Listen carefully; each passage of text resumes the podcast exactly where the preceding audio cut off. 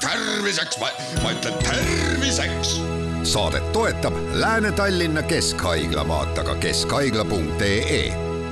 tere, head Kuku kuulajad, eetris on saade Terviseks ja me räägime täna pühade ajast erakorralises meditsiinis. mina olen Ingela Virkus ja koos minuga on stuudios Lääne-Tallinna Keskhaigla juht ja erakorralise meditsiini arst Arkadi Popov, tere! tervist! milline on siis pühade aeg erakorralises meditsiinis? no tundub, et äh, imelik, aga äh, tavaliselt meie käest muidugi küsib seda ka Terviseamet, äh, kas te olete nüüd pühadeks valmis Äh, pühade eelsel perioodil. Ja, ja siis, äh, kui me oleme analüüsinud läbi aastaid meie statistikat, siis äh, isegi siis, kui pühade periood oli üsna pikk, need järjest inimesed pidid puhkama neli päeva näiteks isegi siis äh, erakorralise meditsiini osakondade visiidide arvud äh, olid üsna tagasihoidlikud, äh, ka kiirabivisiidid on suhteliselt madalal tasemel, nii et see on päris imelik, aga nii ta on, et tegelikult jõulud on selline kodune pühade periood, kui inimene pigem viibib kodus, pigem veedab aega oma lähedastega ja, ja naudib äh, sellist vaikust, äh, rahulikku olekut. Ja samas ma pean ütlema, et äh, ka seoses jõuludega on olemas teatud probleemsed momendid, millest ma kindlasti kohe räägin. aga see, mis toimub peale seda, ehk siis esimene tööpäev erakorralises meditsiinis on päris tõsine hullumaja, et vot see, see on tõesti päris tõsine probleem siis kui äh, pühade ajal haiglad on pooltühjad, noh, toimub väljakirjutamine, äh, plaaniline ravi justkui äh, peatub ja, ja ka erakorraliste visiidide arv langeb, siis niisugune tunne tekib, et iga aasta praktiliselt need inimesed koguvad jõudu, noh, tinglikult öeldes, selleks, et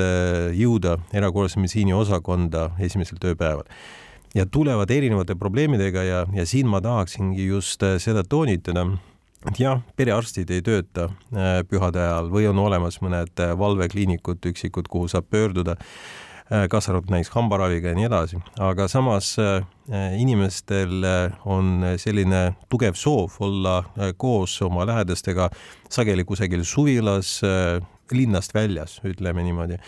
ja tsivilisatsioonist kaugel ja, ja siis äh, selles olukorras äh, kõik sellised kroonilised probleemid, mis äh, vaikselt tegelikult kuhjuvad, mis ei maga, nad tulevad esile. Ja siis, kui jõuame sinna esimesse tööpäeva, siis nad on sageli niivõrd palju kulmineerunud, niivõrd palju dekompenseeritud, et siis inimene kutsubki alles kiirabi ja tuleb erakorralise meditsiini osakonda tunduvalt raskemas seisundis ka mõned äh, pisitraumad, äh, millega inimene ei taha pöörduda pühade ajal ja mõtleb, et okei okay,, noh, mis ma ikka rikun oma äh, väikest puhkust, tulen esmaspäeval või teisipäeval, millal see järgmine tööpäev on.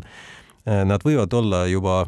selles seisus, selles olukorras, et väike haav läks mädanema Äh, luumurd või, või nihestus äh, ei olegi enam nii äh, kergesti ravitav. nii et vot sellised asjad, millele ma tahan tähelepanu pöörata, et lugupeetud potentsiaalsed patsiendid, lugupeetud inimesed, et kui te tunnete ennast halvasti, kaasa arvatud pühade ajal, kui see on tõesti tõsine probleem, tervisehäda, mida varem ei ole kunagi teiega juhtunud, siis ärge venitage ja, ja kasutage tõesti erakorralise meditsiinisüsteemi selleks, et teil ei tekiks äh, tõsisemat tüsistust äh, ja siis äh, olukord on juba kriitiline. et äh, siin ei pea häbenema, aga samas noh, peab säilitama külmene pead ette ja reageerida täpselt nii nagu vaja ja, ja, ja samas mitte venitada abi saamisega äkki nad pelgavad seda või kardavad, et need järjekorrad on äh, EMO-s äh, väga pikad, et äh, jõulupühade ajal ei tahaks oodata seal võib-olla kuus tundi või? muidugi, aga nii nagu ma ütlesin, see fenomen, mida me näeme, ongi, et kõige suuremad järjekorrad, kõige pikemad järjekorrad ja kõige raskem olukord ongi sel esimesel tööpäeval siis kiirabijärjekorrad on meeletud erakorralise meditsiini osakondade ees ja igas kiirabiautos ongi selline dekompenseeritud probleem, probleemiga ja hulgitüsistustega patsient ja, ja nad kõik vajavad sageli ka päris tõsist abi erakorralise meditsiini osakonnas. Äh, diagnostikat ja, ja siis hospitaliseerimise protsent on väga kõrge. Ja ka traumapunkti ees on tavaliselt pikad järjekorrad just äh, sel esimesel tööpäeval. nii et äh, noh, minu sõnum ongi, et kui on võimalik kuidagi ära hajutada seda koormust ja, ja mitte tekitada sellist ebaühtlast ülekoormust erakorralise meditsiini osakonnas esimesel tööpäeval, kui tekib probleem pühade ajal, siis ärge pelgage, pigem pöörduge sest äh, pärast olukord on tunduvalt äh, hullem jõulud on nüüd küll kohe-kohe läbi saamas, aga millised on olnud need peamised probleemid või mured, millega siis jõuludel äh, kõige enam abi on vajatud, et kas või näiteks varasemate jõuludega võrreldes? no tavaliselt need on suht klassikalised, ega need haigused, mis meid saadavad elu jooksul, nad ei kao kuhugi, et samad probleemid nagu kõrgvererõhutõbi ja, ja siis, kui on inimesel astma, siis see astmahoog võib tekkida igal hetkel ja muidugi talvel äh, niiskel perioodil äh, tõenäosus on suurem kui inimesel on äh, krooniline iseemiatüübi, siis see võib olla ägenenud äh, kahjuks iga hetk ja, ja seda ei saa ennustada. nii et need asjad ikka juhtuvad, aga just pühade perioodile iseloomulikud asjad küll, nad ei juhtu täpselt samal päeval, kui inimene pidutseb, aga tavaliselt just tekivad kaks-kolm päeva hiljem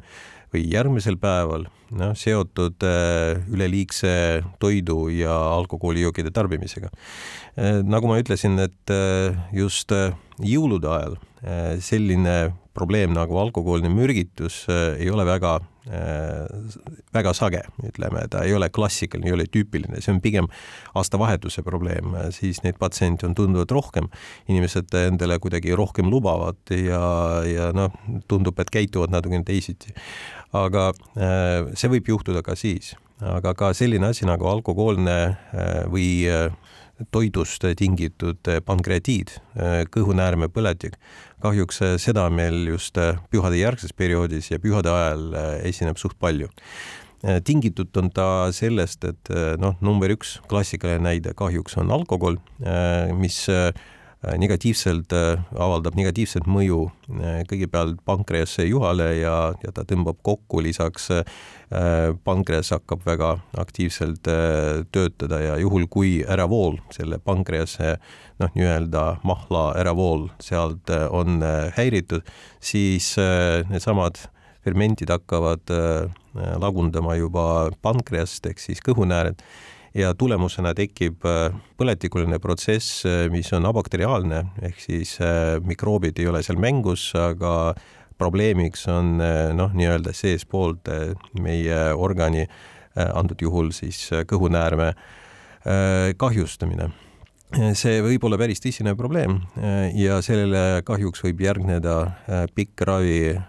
kuskil kas kirurgia või intensiivravi osakonnas ja isegi üleminek kroonilise vormi, nii et äh, siin ma äh, tõesti hoiatan äh, inimesi selle eest, et kui jah, pühad on käes, siis justkui kõik on lubatud ja, ja meeletus kogustes alkohoolsete jookide tarbimine justkui muutub normiks, ma, ma arvan, et inimesed peavad olema siin hästi ettevaatlikult tagasihoidlikumad ja peavad alati mõtlema paar sammu ette, aga mis juhtub siis, kui ma täiesti liialdan sellega? Ja, ja alimentaarne pankreatiid, noh, alimentaarne tähendab seda, et ta on tingitud mitte antud juhul alkoholist, aga toidust, võib olla seotud väga rasvase toiduga, nii et efekt on sarnane, need fermentid, mida eritab siis meie pankreas, kõhunääre, enamasti nad suunatud selleks, et lagundada rasva Äh, meie soolestikus äh, ja, ja juhul, kui seda rasva liiga palju, eriti kui lisandub äh, ka teatud alkohol, siis võib juhtuda, et jah, juha ei pea vastu sellele Äh, fermentide voolule äh, ja siis äh, kahjustatakse juba pankreas ise. nii et need probleemid on täiesti võimalikud, sellele soodustab veel eelseis, kui inimesel on olemas sapikivi tõbi ja, ja siis mõni sapikivi hakkab ka liikuma koos sellega. see, see kõik on noh, üks süsteem, mis reageerib selle rasvadele toidule väga aktiivselt kõik need see, organid, mis osalevad sedimise protsessis, on siin kaasatud, nii et Need on jah, klassikalised probleemsed kohad, mida me, millega me puutume kokku pühade ajal kuidas pankreatiiti siis ära tunda, et mis on selle sümptomid ja kas nende sümptomite äratundmisel tuleks siis juba erakorralisse meditsiini pöörduda või? klassikaline on see niisugune vöötaoline valu äh, üle kõhus äh, ja lisaks äh, oksendamine. Et inimesel võib tekkida iiveldus, aga oksendamine on väga klassikaline tunnus ja tavaliselt Äh, ta on selline profuusne oksendamine, ehk siis järjest inimene äh, oksendab mitu-mitu korda. Äh, koos sellega siis vöötaoline valu üle kõhus. inimesel on isutus, ta enam ei taha midagi süüa, sellega hakkab kaasnema ka vedeliku kaotus, elektrolüütide kaotus Äh, ja, ja lõppude lõpuks äh, inimene võib jõuda äh, seisundisse, mida võib siin nimetada mitmete organite puudulikkus, nii et kahjuks see pankreatiid on tõesti päris eluohtlik seisund, kui ta on kiiresti arenev ja eriti nikrotiseeruv, ehk siis ta viib selleni, et osa kõhunäärmest on lagunenud, kude on hävitatud. et selline nikroos kui ta hakkab sealt pärast äh, imenduma, seal tekivad taksiinid hulgaliselt, äh, see kõik toob kaasa sellist multiorgaanset puudulikkust. siis kõik organid äh, või mitmed organid ütlevad üles ja enam ei tööta korralikult, nii et see, see võib olla päris tõsine probleem ja, ja noh, siin äh, muidugi peab äh, ütlema, et mitte igaüks äh, kõhunäärmepõletik kulgeb niivõrd raskelt, vahest inimesel veab ja täiesti kolme-nelja-viie päevaga ta hakkab parenema, aga selleks eelduseks on, on null, nii, nii-öelda nulldieet, ehk siis inimene ei tohi midagi süüa, juua ja see on ka päris vaevarikas noh, kuivõrd, äh, aga see on ka raviprotsess, et selline keeruline dieet. ja, ja siis vedelikku saab äh, näiteks ainult äh, veini kaudu tilgana, nii et jah, selline natukene vastik haigus, peab ütlema aga pöörduda siis ikkagi EMO-sse, kui on selline üla-kõhu-vöö tunne ja, ja oksendamine?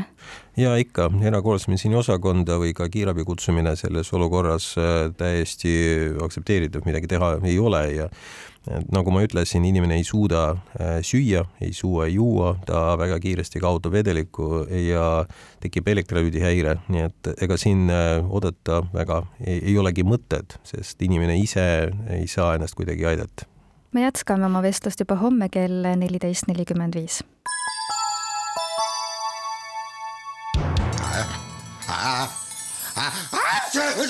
terviseks, ma ütlen terviseks saadet toetab Lääne-Tallinna Keskhaigla, vaata ka keskhaigla.ee